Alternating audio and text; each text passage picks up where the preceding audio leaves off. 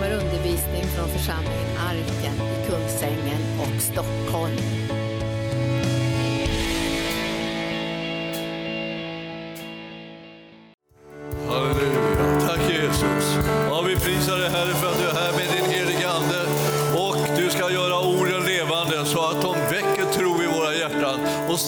Oss i rörelse in i ditt rike och för ditt rike och för det som du har på ditt hjärta.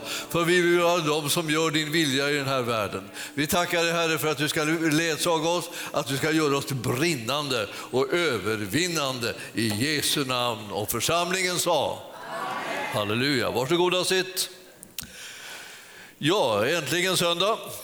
Eh, det är som att, eh, vad skulle man göra om man inte hade söndagar? Jag säga. Och, eh, och framförallt då är det ju en del som inte ens vet vad man ska göra med söndagarna fast man har dem. Men man går till Guds hus och det är där som man får eh, påfyllnad, inspiration, utmaningar och sådär och får vara med om att höra om ett liv där man verkligen kan känna sig levande. Verksamma och levande, det är liksom ett typiskt kristet beteende. Också. Så känner man sig och så är man. Och därför så, eh, när Herren talar till oss så är det som att då dras vi in i en sfär där vi, där vi mår mycket bättre. Där vi liksom fungerar mycket bättre, där vi känner att vi liksom är på rätt plats. Där vårt liv kan betyda någonting. Och så inte bara i tiden utan för evigheten. Det är det som är någonting av alldeles enastående karaktär det här att få tjäna Gud och känna honom. Och, och, eh, nu är vi så att vi sköter ju våra liksom, andaktsliv och så eh, hemma, med läser bibel och, och bedja och sådär och gör det regelbundet så det är ju liksom, pågår ju liksom hela tiden. Men när vi kommer samman som församling så är det som om Herren har speciella tankar och att vi ska göra saker och ting och förstå hur vi ska sitta ihop och hur vi ska prioritera det att eh, vara hans kropp i den här världen.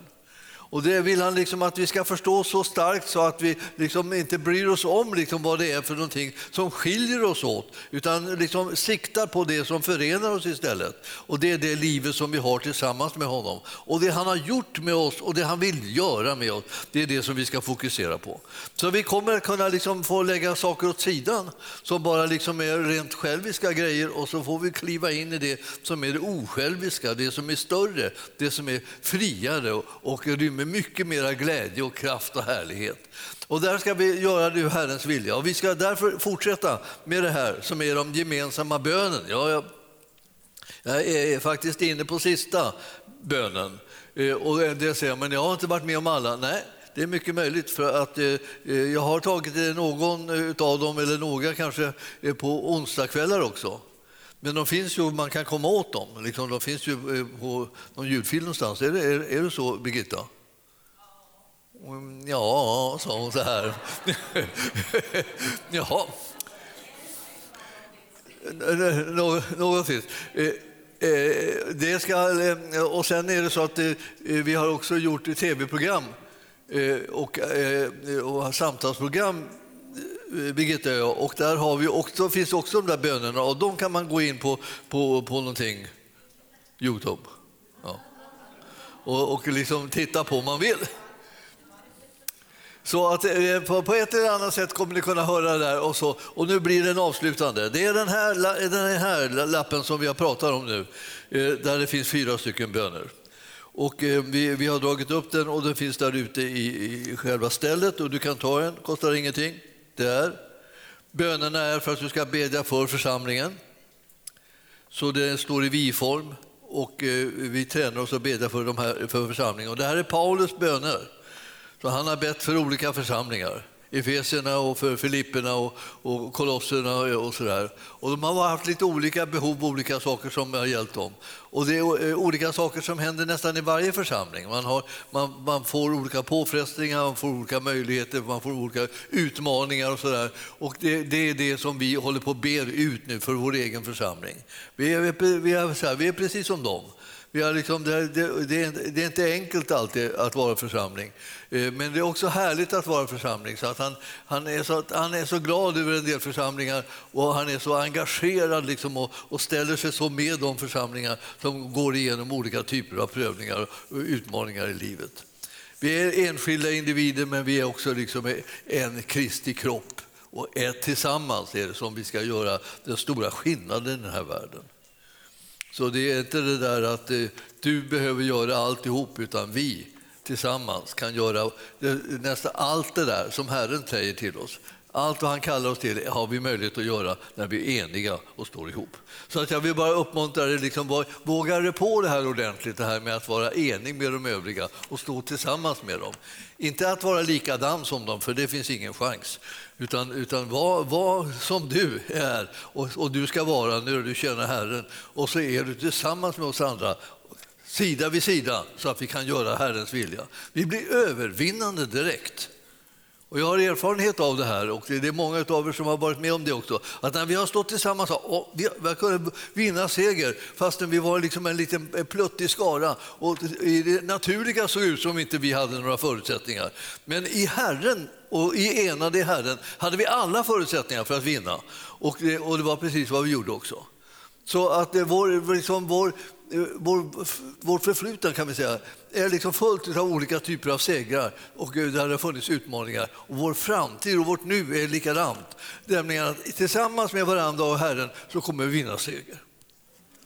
Därför när vi ber så ber vi i tro, frimodigt, att det som här bönerna har varit, blivit besvarade så många gånger genom tiderna så att de, de, de kommer att liksom kunna bli besvarade nu också med sitt ja. För när, det här, när vi förstår det här och vi märker att det här vill vi ha, det vi ber är inte bara någonting som det var någon gammal bön, utan det här är precis vad vi vill ha, det är vad vi behöver också. Därför så ber vi tillsammans, eniga då om det här för vår räkning, vår gemensamma räkning. Du kommer säkert be hela tiden för alla möjliga saker som du själv behöver. Det behöver man liksom nästan inte uppmuntra dig till. Men det där att be för vad vi tillsammans behöver, det behöver man liksom väckas till på något vis. Och då är det här väckarklockan. Så du sätter igång och ber det så får du liksom syn på saker som Herren har tänkt för dig. Nu predikar jag över de här sakerna därför att du ska få ännu mer innehåll i, så att säga, se vad som står där, så du blir ännu mer liksom, liksom uppeldad kring det. Ja, nu um, är det den här bönen, ja, ni, ja, ni, ni ser det. Alltså jag, jag skulle titta på den här bönen men då växte den ut här i kanterna, så här, under och överallt. Började skriva liksom så här.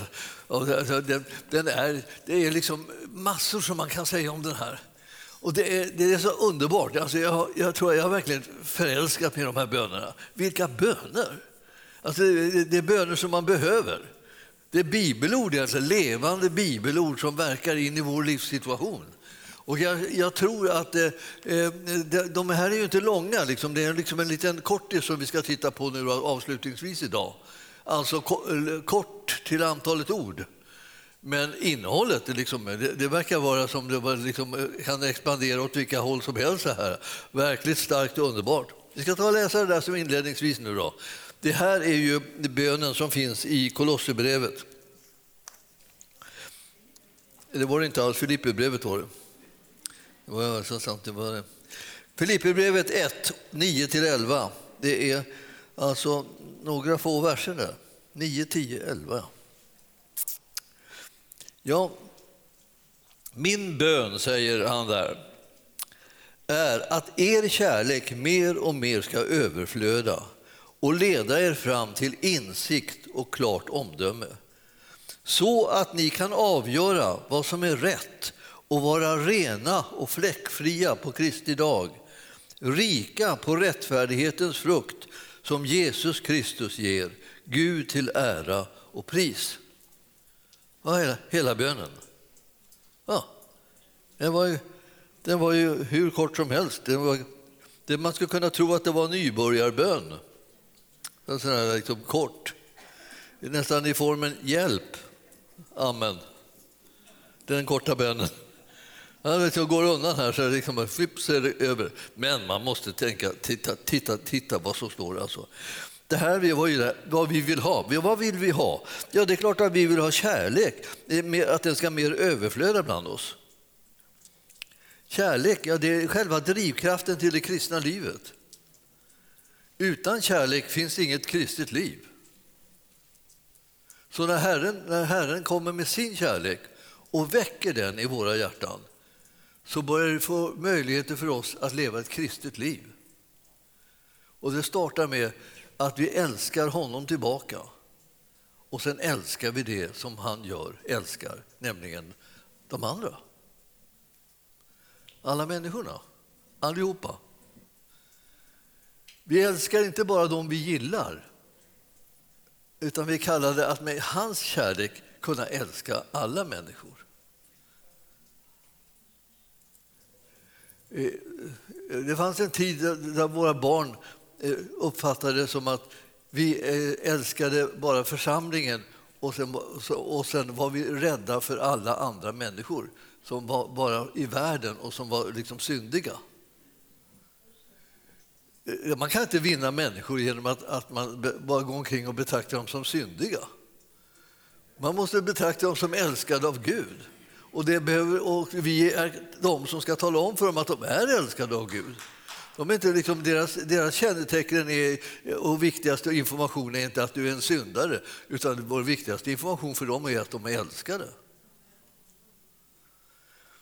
Men det blir ju liksom så där, man ska gå och akta sig. Det är som Ronja Rövardotter. Hon skulle, hon skulle gå ner till forsen och akta sig. Så hon gick dit och ställde sig nära forsen och aktade sig för den. Så synden kan liksom komma liksom på fel plats. det här. Alltså, vi, vi är de som, som ska komma med ett budskap om kärlek från Gud. En obegriplig kärlek som har liksom bevisat sin kärlek så starkt och så genomsyrande eh, redan innan någon som helst tog emot den. Ingen ville ha den, den förratades och alla hade skrikit om honom som, som, som var Guds kärleksförklaring. Korsfäst honom. Och älskade Gud världen så att han gav sin egen son. Det var så det var.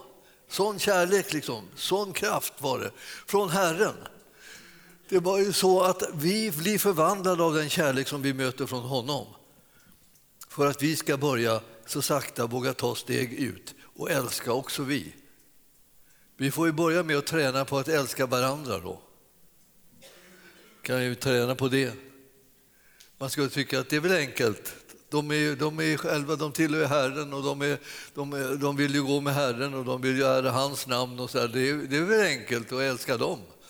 Men det visade sig att det var inte så enkelt ändå, för det håller på, de håller på, vi håller på liksom och trasslar till det med varandra och tänker fokusera på det som vi tycker är, är liksom bristerna, där vi inte har full enighet, där vi inte ser likadant och så. Men Herren vill att vi ska fokusera på honom. Räddningen för varenda kristen är att man fokuserar på Jesus. Inte på att man går omkring och tittar på sina medsyskon för, för att se om de håller måttet. Ingen har fått den kallelsen. Det är inte din uppgift. Jag tar den ifrån dig med ögonaböj. Så nu står du där utan uppgift. Ja, du får den från Herren, att du ska älska de människorna. Och du som har blivit älskad ska älska tillbaka honom som har älskat dig först och du ska älska dem som han har gett sitt liv för. Hur skulle man kunna göra annat än att liksom göra gemensam sak med Herren i den här kärleken? Det är, det är kärleken som förändrar människors liv. Och när du och jag börjar leva ut den här kärleken till Gud och människor, då börjar vi leva ett kristet liv. Då behöver vi tala, hur ska jag göra, hur ska jag göra med den här? Kärleken hittar vägar. Så det är liksom, det, den uppenbarar liksom vad, vad som är den rätta vägen att gå på. Den uppenbarar hur man handskas med sanning. När man älskar så förstår man bättre hur man ska handskas med sanning. Om man inte älskar missförstår man hur man ska handskas med sanning och, blir en domare eh, över människor och skeenden eh, som inte någon har bett en om att bli. Så kärleken är drivkraften till det kristna livet. Utan kärlek blir det inget kristliv. liv. Det blir något konstigt otäckt sådär, som alla vill akta sig för. Man vill inte komma i närheten av det. Och man vet att man, får, får man möta det där, eh, sanningen utan kärlek, så är man, är man bara dömd och det är ingenting annat. Men Herren är den som har gett sitt liv för oss för att vi inte ska bli dömda. Och det gäller alla människor. Han har redan dött för alla människor. Det är inte så att det, liksom, det är någonting som man ska göra sen när de skärper sig och gör bättring, utan det är någonting som man redan har gjort. Och därför så är det bara frågan om att du och jag, vi upptäcker, alltså genom de människor som är vittnen om det, att det här är redan, har redan skett, de är älskade av Gud. Och vi sänder den signalen till dem för att det ska uppenbaras, så att de kan börja leva tillsammans med oss i den här kärleken. Men den trygghet som det är att leva hos Gud. Alltså det finns ju ingenting underbarare än att vara tillsammans med Herren. Alltså det är det bästa som finns. Och man, man, man, blir liksom, man blir så eh, vad ska jag säga, påverkad av att vara tillsammans med honom. Jag, jag tänker ibland så här på de där lärjungarna, det kändes nästan det känns lite avundsvärt. Alltså att när de stod inför Stora rådet och var så frimodiga och talade om Jesus och berättade vad han hade gjort och vad, det var meningen med hans liv och hans död och allt det här. Och de står där. Så blir de ju så, då fnyser det här eh, rådet eh, liksom mot dem och tycker att det, det här var eh, otäcka, konstiga människor. Liksom. De är, vad ska de här mopsa upp sig för? Det är bara gamla fiskare som står här och, och så ska de komma här och lära oss någonting. Men så gick de, skulle de ha en liten eh, överläggning vid sidan om. Så här. Och så tänkte jag, ja, men vad kan det vara? Och då var det någon som sa, ja, vi kanske ska tänka på att de har varit tillsammans med Jesus. Det är förklaringen att de är så där. Tänk om, man, tänk om man skulle få det omdömet en dag. Att någon säger, ja, vad är han så där för? Ja, vad är hon så där för? Ja, därför att hon, hon har varit tillsammans med Jesus. Så det är liksom det som är liksom eh, saken här, där hemligheten är att gemenskapen med Jesus förvandlar våra liv så att det blir liksom något häpnadsväckande och liksom härligt och man kan inte förstå vad det är som, vad det kommer sig om man inte får reda på att vi har varit tillsammans med Jesus. Vi vill ha det omdömet, alltså, en dag, någon gång, från någon som säger det. Det, det, det, det är härligt. Ja, alltså man, man, får, man får tacka och prisa Gud för att vi får förmånen att lära känna honom. Vi ska unna andra människor att få höra om honom också. Jag hamnar här i en skog av eh, och diverse grejer. Mickar och, och saker. Ja, just det. Ja, jag ska hålla mig på den här sidan där jag liksom syns. Då det här, vi ska ta den här, läsa den här bönen igen. Ni förstår, vi ska hålla på förstå vad det är som vad är, vad är det egentligen som är viktigt i det, i det kristna livet och vad är det som är liksom verkliga, de verkliga avgörande grundförutsättningarna. För hur mycket du än kan, hur många eh, ord, bibelställen du än kan och allt möjligt så här och hur många saker du än har gjort så spelar det ingen roll om inte du har fått med dig den avgörande biten, nämligen att allt det här ska ske i kärlek. Och det kan inte ske någon kärlek om du inte har mött kärleken som kommer ovanifrån, som gör under. För det är den där kärleken som inte gör skillnad på människor, det är den kärleken som du ska dela med dig till andra människor. Och du måste ha mött den på något sätt, så att du har blivit fri från allt det här egna liksom, och, och, och fri från all denna fruktan som annars griper människor.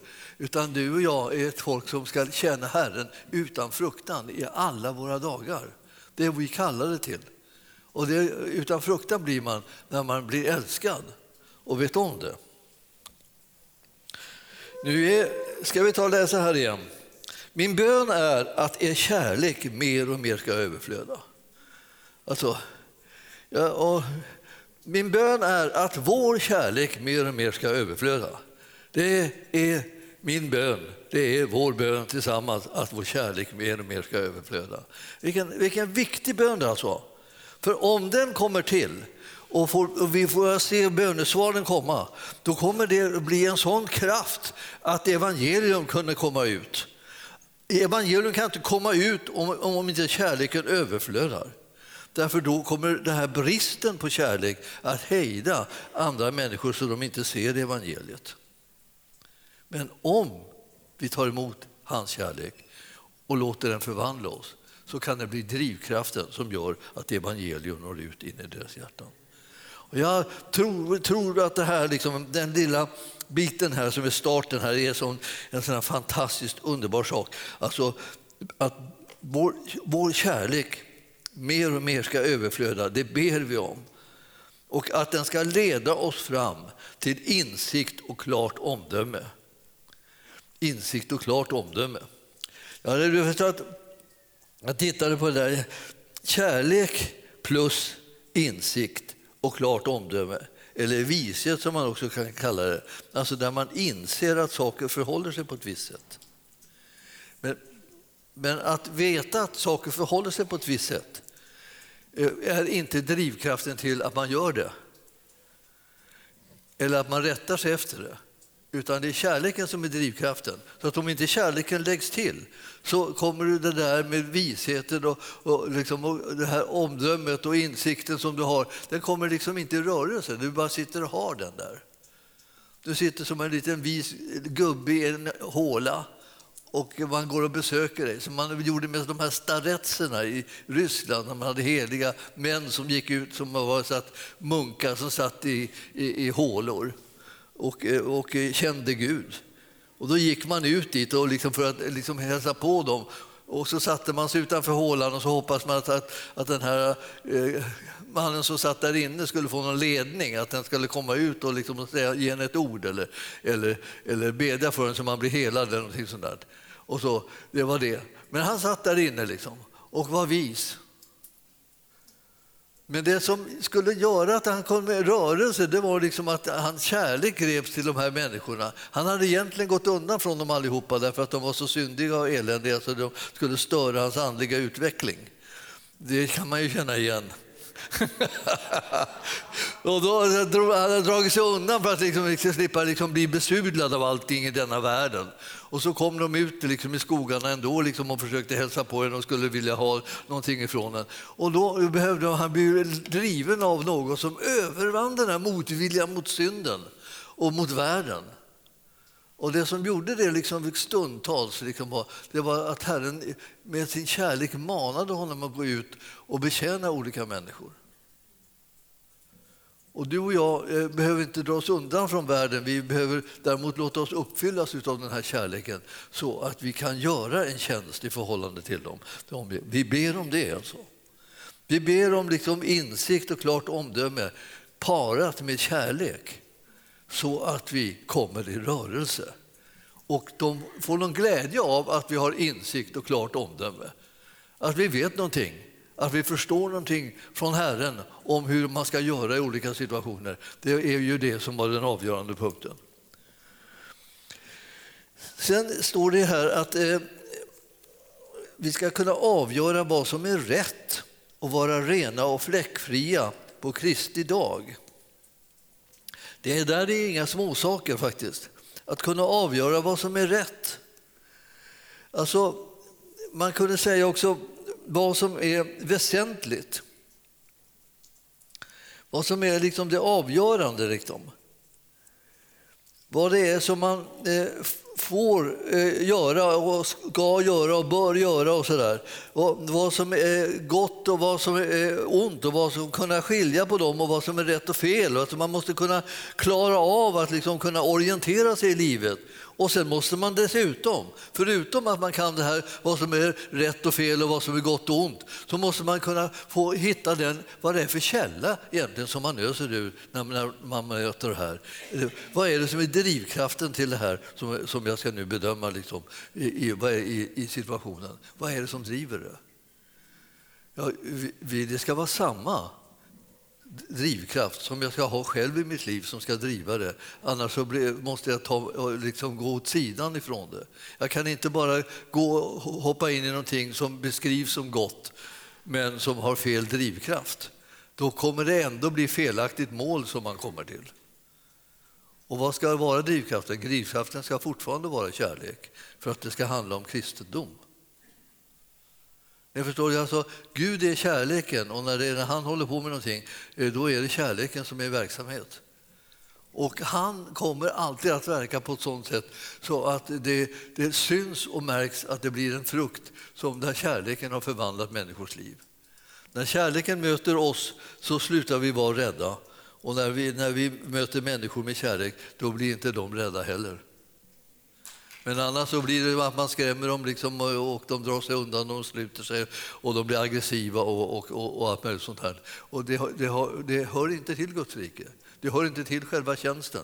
Tjänsten som vi har är att göra evangeliet känt. Och evangeliet är Guds kärleksförklaring till människor så att de kan bli räddade från mörkret i den här världen och liksom komma in i den älskade Sonens rike och in i hans ljus.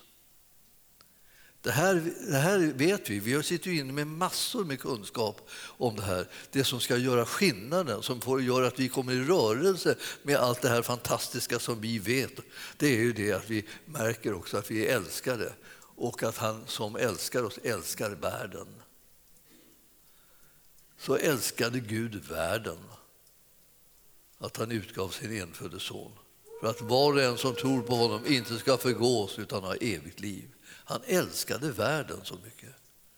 Och det här är liksom nyckeln för oss. För att vi går ibland och undrar hur ska man kunna komma igång, hur ska, hur ska det bli, hur ska man kunna säga någonting, hur ska man våga någonting, hur ska man klara någonting. Och så här. Ja, eh, det går inte ensam. Det går bara tillsammans med honom och, eh, och när du har tagit emot honom och hans kärlek. Det är då du förvandlas av den. Det är då som man plötsligt vågar saker som du inte har vågat förut. Kärleken förvandlar livet. Och därför så när, när, det, när det står sådana här saker, att vi ska kunna hålla reda på olika saker och vara bärare av insikter och klart omdöme och, så där, och veta vad som är rätt och fel och vad som, vad som passar sig och vad som man bör göra och allt det här, så, får, så står allting ändå alldeles stilla ända till den dagen och stunden då vi blir mottagare av den här kärleken som är oförtjänt och får en ny drivkraft i livet. Den nya drivkraften är att vi älskar Herren som har älskat oss först. Och vi älskar eh, de syskonen som inte heller de har, förtjänar kärlek och får kärlek därför att, eh, att de har liksom levt upp till det och skärpt sig och gjort det här allt vad man har önskat liksom, och brutit med alla dåligheter och, och så. Utan Herren älskar dem först och det förvandlar deras liv. Jag, jag eh, det fanns ju människor som man vet man mötte i, i, under sin uppväxt som, som älskade Jesus. De, de älskade Jesus så till den milda grad att man bara ville vara i närheten av dem. Har ni mött sådana där?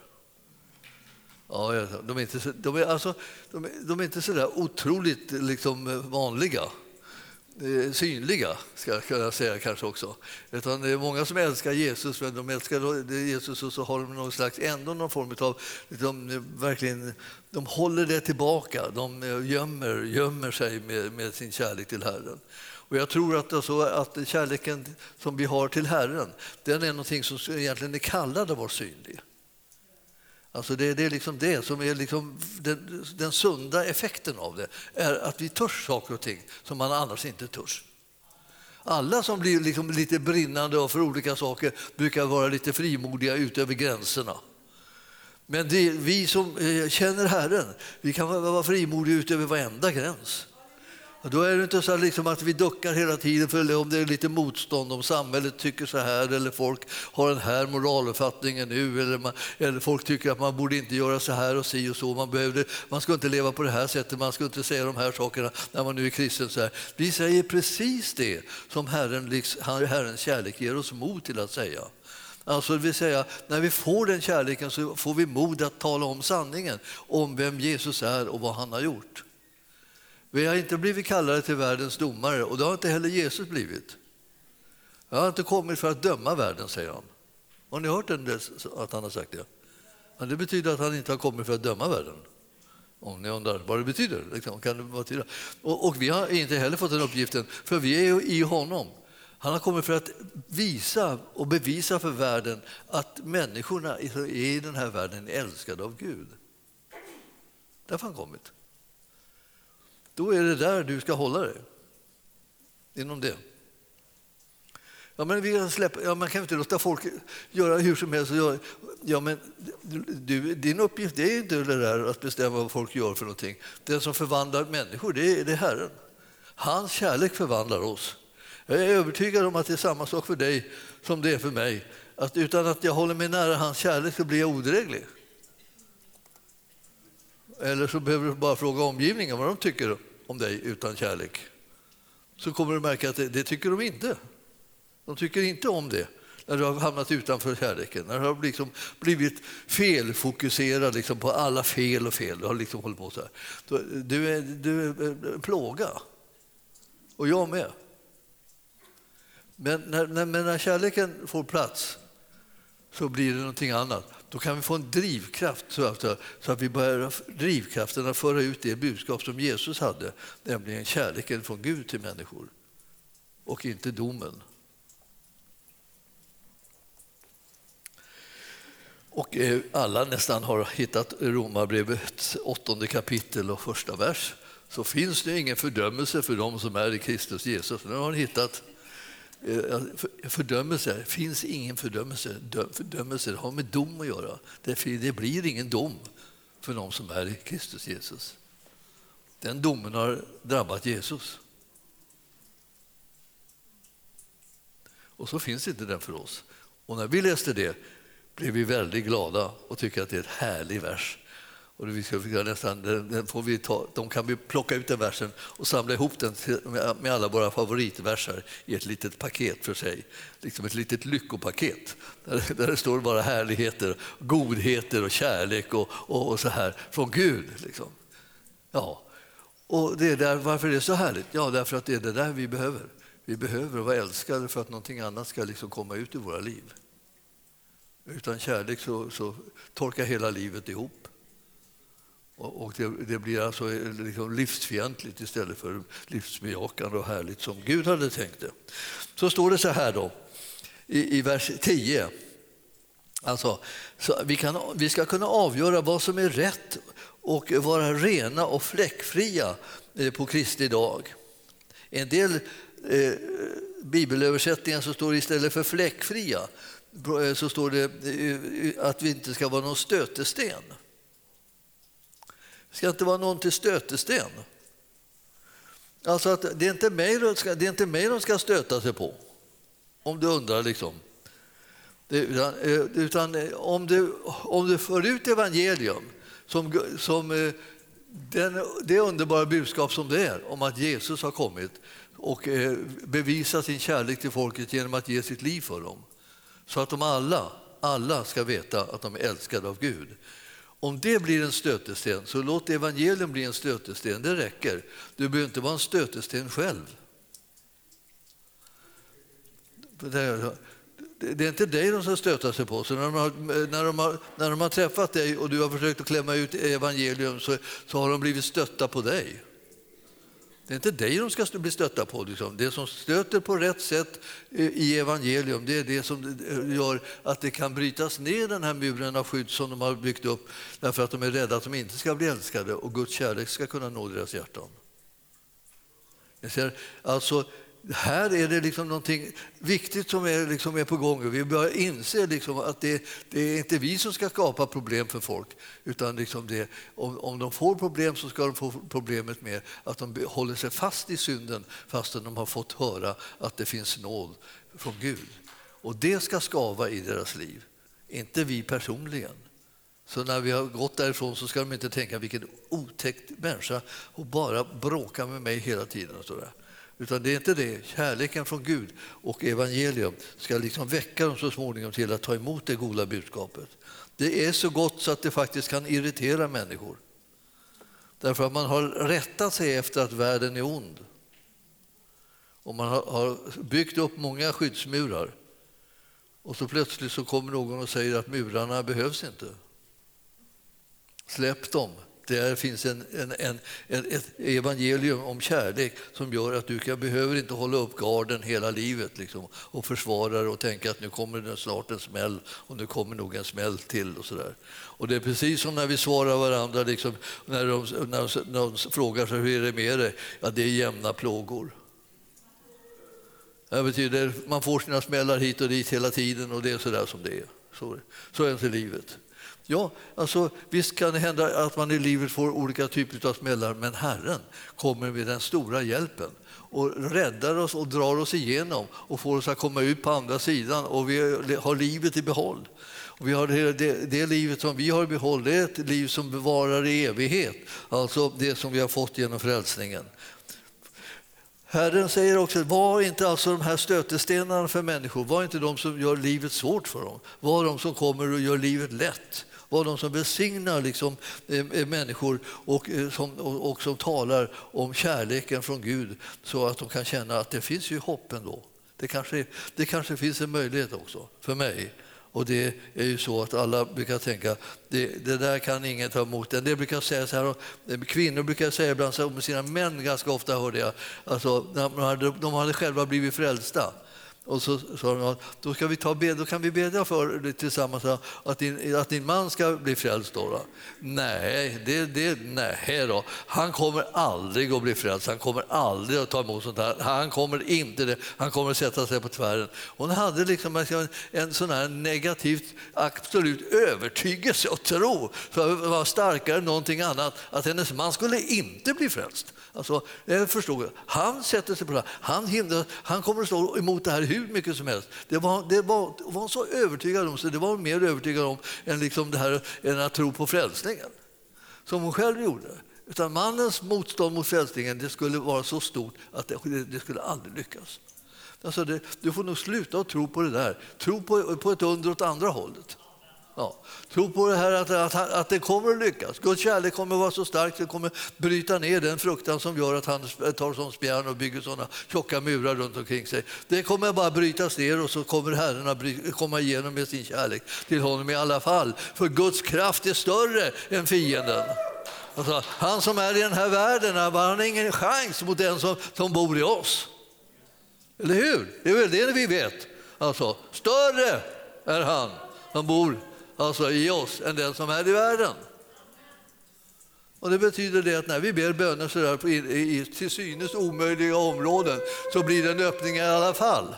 Och den öppningen liksom för, för, för evangelium den skapar Herren. Kristi dag är den dag då Herren kommer tillbaka.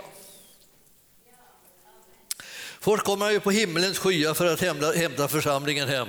Då blir det liksom ett, ett, ett flygande utan like. Vi, vi kommer alla ryckas upp på himlens skyar honom till mötes. Alltså. Och det är härligt också. Och där, där kommer också eh, de, de, de troende som redan hade, har, har, gått hem till Herren och som man brukar säga, som ligger i sina gravar, de kommer, de kommer först. Och sen så kommer vi som lever eh, då när han kommer eh, här på jorden att ryckas upp och, så, och bli förvandlade. Alltså det, här är en sån, det här är en sån fantastisk händelse, så jag säga, den måste upplevas. Ja, och det, då gäller det att man blir frälst, annars får man inte uppleva den här händelsen. Blir man kvar i det här eländet då, hur världen ser ut utan kristna, det vågar vi inte ens tänka på. Alltså. Och hur det, hur det är att hamna i det läget att man, att man är kvar. Många har ju varit med om att haft en sån känsla någon gång, kanske som barn, att det, det small till någonstans eller dånade eller någonting hände så. Och så plötsligt tänkte de, hjälp, kom han och jag är kvar. Men detta ska inte ske, att han kommer och du är kvar. Utan han kommer han, så är du på väg liksom, i luften.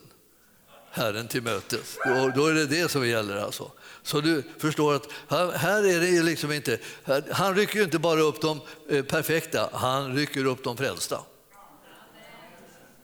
De som är räddade, inte de som har, liksom, eh, som har, blivit, eh, eh, de som har varit skötsamma och snälla hela, i alla sina livsdagar, utan det är de som tror. Ja. Även om de har varit helt, helt knöliga och på alla möjliga sätt ovärdiga det hela, så är det av nåd som vi blir frälsta. Och eh, Herren sätter igång ett verk med oss, men vi behöver inte vara färdiga för att komma med på himlens skyar, tack och lov. Vi, vi, vi, vi kastar oss in i det här med gemenskapen med Gud och ser vilken frukt det här bär i livet. Men, eh, men när han kommer så hämtar han hem alla de sina. Alla de som tror, alla de som hör till honom. Och var och en som har tagit emot honom i sitt hjärta, var och en som har sagt Jesus kom in i mitt hjärta och fräls mig. Och det är det du ska säga om du inte är frälst. Alltså. Eh, så, så blir du frälst. Jesus kom in i mitt hjärta och fräls mig och förlåt mig mina synder. Herren kommer att frälsa dig ögonaböj för något viktigare liksom, eh, budskap till dig än att du ska ta emot honom som frälsare har han inte. Utan han har redan gjort allt som behövs. Nu är det bara frågan om att du tar emot det. Så att eh, alla de som tar emot det, kommer det liksom ryckas upp. Så jag räknar med liksom att när det här mötet är slut så kommer vi allihopa vara beredda på att ryckas upp. Så att kommer han så, så blir det fullkomligt folktomt här. Det bara lyfter bara sig, det finns inte en gotte kvar. Det är meningen. Så därför ser du till att du liksom tillhör de frälsta skara för att vara beredd på det att han kommer. Han har så älskat världen så att han inte bara vill liksom bara vara liksom lite snäll mot den ett litet tag eh, och sen vill han bli av med den, utan han vill vara med den i evighet. Han är uppe i hela världen, hela världen ska komma till, in i himmelen, det är hans mål. Han vill att alla människor ska bli frälsta. Och det, det, därför så är Kristi dag en härlig dag att tänka sig att den ska man vara med om. Och hur det än blir och när han än kommer så kommer vi att vara med i den dagen. Därför att det är de frälsta, de som har fått nåd, de som har genom tron liksom blivit intagna i hans rike, de är det som han tar hem. Och, det är, och där, vi tillhör den skaran. Så fort vi har tagit emot Jesus tillhör den skaran. Och därför tar vi alltid fort emot Jesus. Och sen är det det att när man har tagit emot Jesus så är det gjort. Då har han fått lov att frälsa oss och då gör han det. Han sitter inte och funderar på saken så får vi, så får vi se någonting sånt. Det är liksom redan ett faktum den stunden. Och då står det här att alltså, vi ska vara rena eh, och fläckfria på Kristi dag. Och hur, hur, om man blir liksom ren och fläckfri, man undrar hur det går till. Liksom, ja, det går ju alltid till så att man blir ren och tvättad i blodet för att bli ren. Förlåtelse är ju det som gör renar oss och om vi tar som vana att verkligen bekänna synd och gör upp med den och inte går omkring och drar med det eller liksom pratar liksom eh, kring det sådär, låtsas att det som vi gör eh, det är ju inte någon riktig synd utan det är liksom bara, det är liksom bara vi, vi korrigerar saker och ting och vi känner att vi har som uppgift att liksom rätta till grejer och vi, våra synpunkter på andra människor de är, så, de är korrekta och, och fina, liksom så här, de är precis vad de har förtjänat. Men i själva verket så är det ingen av oss som har någon chans på någonting utom att vi tar emot Guds nåd. Kärleken och nåden från Gud är förutsättningen för livet i tiden och evigheten. Ingenting annat. Så vi behöver vara de som är, tar emot förlåtelse men vi vill inte bli, vi vill inte frälsta liksom för evigheten genom att vi har tagit emot förlåtelse. Men vårt livsstil här att vi bekänner synd och tar emot förlåtelse om vi, om vi syndar. Vi hittar inte på att kalla synden för någonting annat. Vi tar emot förlåtelse helt enkelt. Bekänn den och ta emot förlåtelse så blir du renare i blodet. Så är du liksom rustad för att kunna gå vidare med Herren i det här livet. Så att hans vilja blir gjord. Om du har problem med andra i, liksom i församlingen, eh, förlåt dem och ta emot förlåtelse själv för att du tillsammans med dem ska kunna göra Herrens vilja. Det är viktigare än allting annat. Ja, men du kanske vill diskutera då, liksom vem av er som hade rätt och vem som hade fel. Och så ja, det, det, kan hända att du vill, men strunt i det. För nu ska du, du ska bara liksom, förlåta och ta emot förlåtelse så att ni kan samarbeta och göra Herrens vilja. Det är viktigare än din åsikt.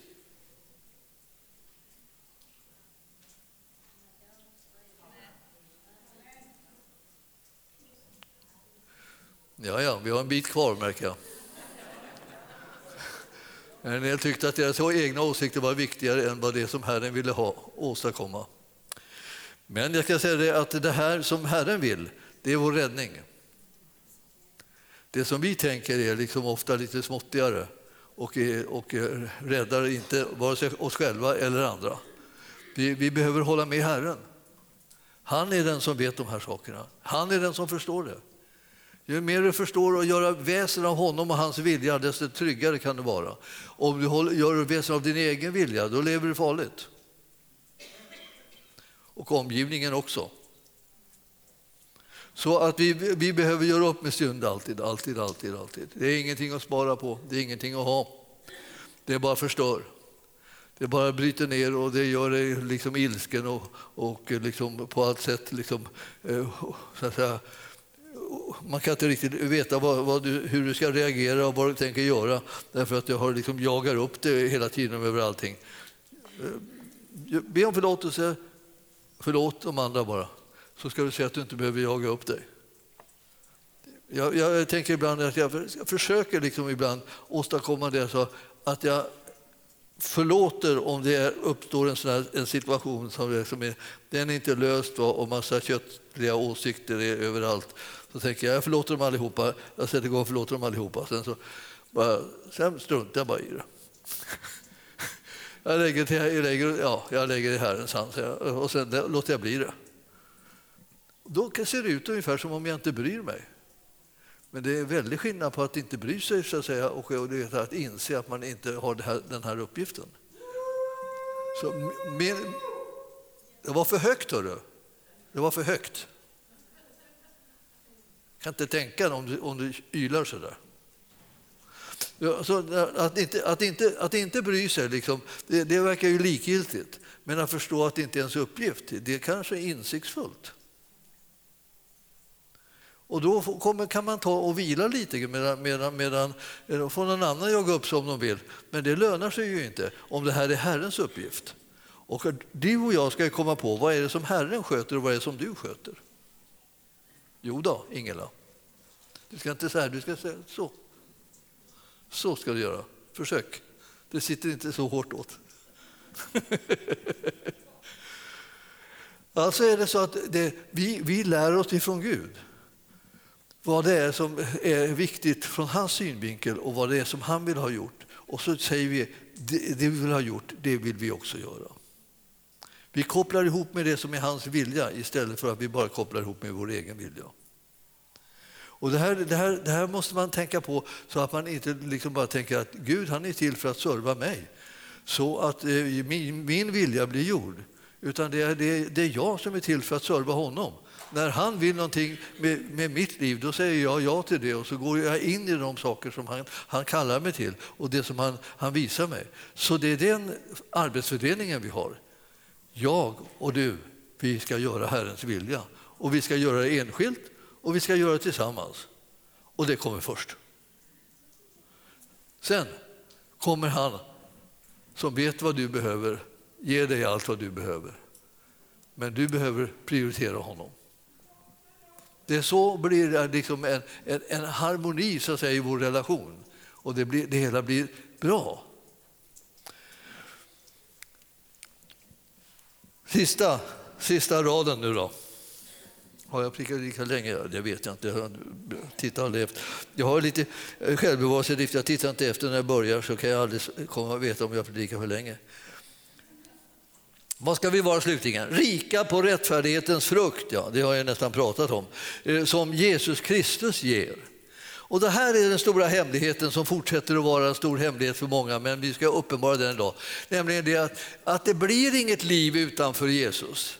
Det blir inte så här att Jesus han har dött och uppstått och du har satt tro till honom och tagit emot honom i ditt hjärta och, eh, eh såda, eh, och sen har du kommit in i honom och sen eh, Eh, ja, och sen står du där själv och nu ska du försöka leva det här kristna livet i den här världen. Så är det ju inte. Utan det är så att du, det är den här placeringen, att han har kommit in i ditt hjärta efter du har blivit frälst med sin ande. Och du har kommit in i hans kropp och lever i den. Så sen finns det inget liv där du lever skilt ifrån honom, utan det livet som du är kallad att leva, det är i honom. I Kristus. Det är det där. Och därför att när vi är i Kristus, det är då, det är då vi möter varandra på rätt sätt. Då blir det liksom hans vilja som vi talar om, för vi är inne i honom och vi är delaktiga av det som ligger på hans hjärta. Och det är det som drar oss ihop. Så när han talar ett ord så drar det ihop dem som ska liksom förverkliga det ordet och göra de sakerna. Och till oss har han talat det som vi kallar för visionen. Och vi ska, in i, vi ska dras in med honom i det när han helar Eh, och upprättar, befriar och förvandlar och, och, och hjälper människor på olika sätt. Vi dras in i det verket som han håller på med därför att han har talat ett ord och hans ord är för oss det som är det främsta och viktigaste. Och då när vi gör det här, då möter vi varann och blir en välsignelse för varandra. Och Herren har omsorg om oss. Han vet vad vi behöver. Han tänker på att vi är stoft, står det. Att han tänker på att vi är bara jord och vi har kommit till jord. Han vet vilka behov vi har när vi är människor i den här världen. Det är han som har skapat oss. Så vi behöver inte bli nervösa och tänka, men jag då? Ska vi inte, ska vi inte, hålla, ska vi inte tänka på mig? Vi, om vi tänker på Herren så kommer du åt det här att hans omsorg om oss, den räcker för alla situationer. Han är den underbaraste och den viktigaste. Och när vi gör på det här sättet, då kommer äran att komma till Herren. Det står ju här, det, det sker Gud till ära och pris. Det är han som blir det. Frukten är någonting som kommer liksom från rättfärdigheten. Rättfärdigheten var en gåva, det känner vi igen. Och så blir det. Jag skrev ner en, en, en, en, en rad så här, eller ett par, som jag tänkte bara läsa för er. Eh, vi är älskade av Gud, försonade med Gud genom Jesus. Vi är förlåtna och rättfärdiggjorda utan skam, skuld, utan fördömelse i Kristus Jesus genom tron. Vi är frälsta och födda på nytt, nya skapelser i Jesus Kristus som vi har tagit emot genom hjärtats tro i vår ande och som vi har bekänt oss till med vår mun. Vi är nu den heliga Andes tempel och han bor i oss och i vår ande som har gjorts levande genom Jesus ställföreträdande död och uppståndelse. Nu är det i honom, Jesus Kristus, som vi lever, rör oss och är till, till Faderns ära. Himmelske Fader, vi tackar dig för din godhet mot oss. Vi tackar dig för att vi har fått lära känna dig att vi ska få lära känna dig ännu mera hela tiden när vi vandrar med dig och på de vägar som din kärlek leder oss. Vi ber Herre att våra hjärtan ska vara ömtåliga och känsliga för det som ligger på ditt hjärta så att vi hör din röst och gör det som du kallar oss till. Att vi bär den frukten som kommer av att du har rättfärdiggjort oss och att du lever i oss och vi i dig. Vi prisar dig för att du har sån omsorg om oss var och en. Och jag ber Herre att du ska visa för var och en att du är så nära så att de vågar leva det livet som du har kallat dem till. Så att vi vågar ta steget som du säger att vi ska ta. Att du vågar förhärliga ditt namn genom det som du visar oss. Vi prisar dig Herre att vi, vi ska kunna bli delaktiga i dina gärningar och i ditt liv. Och vi ber Herre, kom och gör allting nytt. Kom och gör oss fria och glada och upprättade. Kom och gör oss hela. Förvandla våra liv, Herre, så att vi kan vandra i kärlek och omsätta allt det här som du har talat till oss om i praktiken. Jag tackar dig för kraft att göra din vilja mod att göra din vilja, kärlek nog att göra din vilja. I Jesu namn. Och församlingen sa Halleluja.